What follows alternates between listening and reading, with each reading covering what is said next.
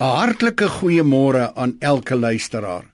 Ons gaan vanmôre oor 'n aspek van praktiese liefde praat wat ek glo elkeen van ons se lewens kan verander. Dit gaan oor vriendelikheid.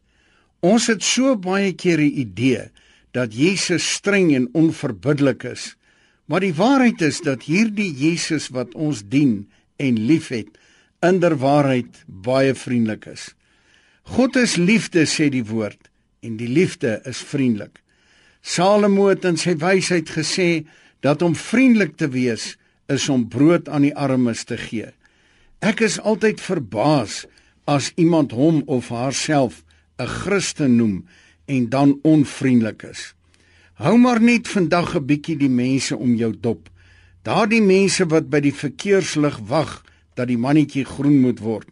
Daardie mense in die huisbak wat net voor hulle uitkyk en op sy beste 'n effense kopknik in iemand anders se rigting sal gee.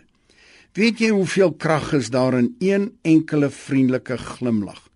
Vriendelikheid is iets wat ons almal elke dag 'n behoefte aan het. En die manier om dit te verkry is om vriendelik met ander te wees. Tereg skryf Paulus aan die Filippense: "Laat julle vriendelikheid aan alle mense bekend word." Dink maar 'n bietjie na in jou eie lewe. Dit is daardie ouma of oupa, oom of tannie wat met jou vriendelik was of is wat vir jou die kosbaarste is. So Salomo gesê het, hy wat vriendelik is, word geseën. Hy sê ook dat vriendelike woorde is soos 'n heuningkoek, soet vir die siel en 'n genesing vir die gebeente. Probeer gerus vandag om 'n vriendelike woordjie te gee vir die persoon agter die kasregister in die winkel. Weet jy wat 'n groot verskil kan daardie bietjie vriendelikheid in sy of haar lewe maak? Nog beter, weet jy hoe vriendelik ervaar mense dit as jy in hulle eie taal met hulle vriendelik is?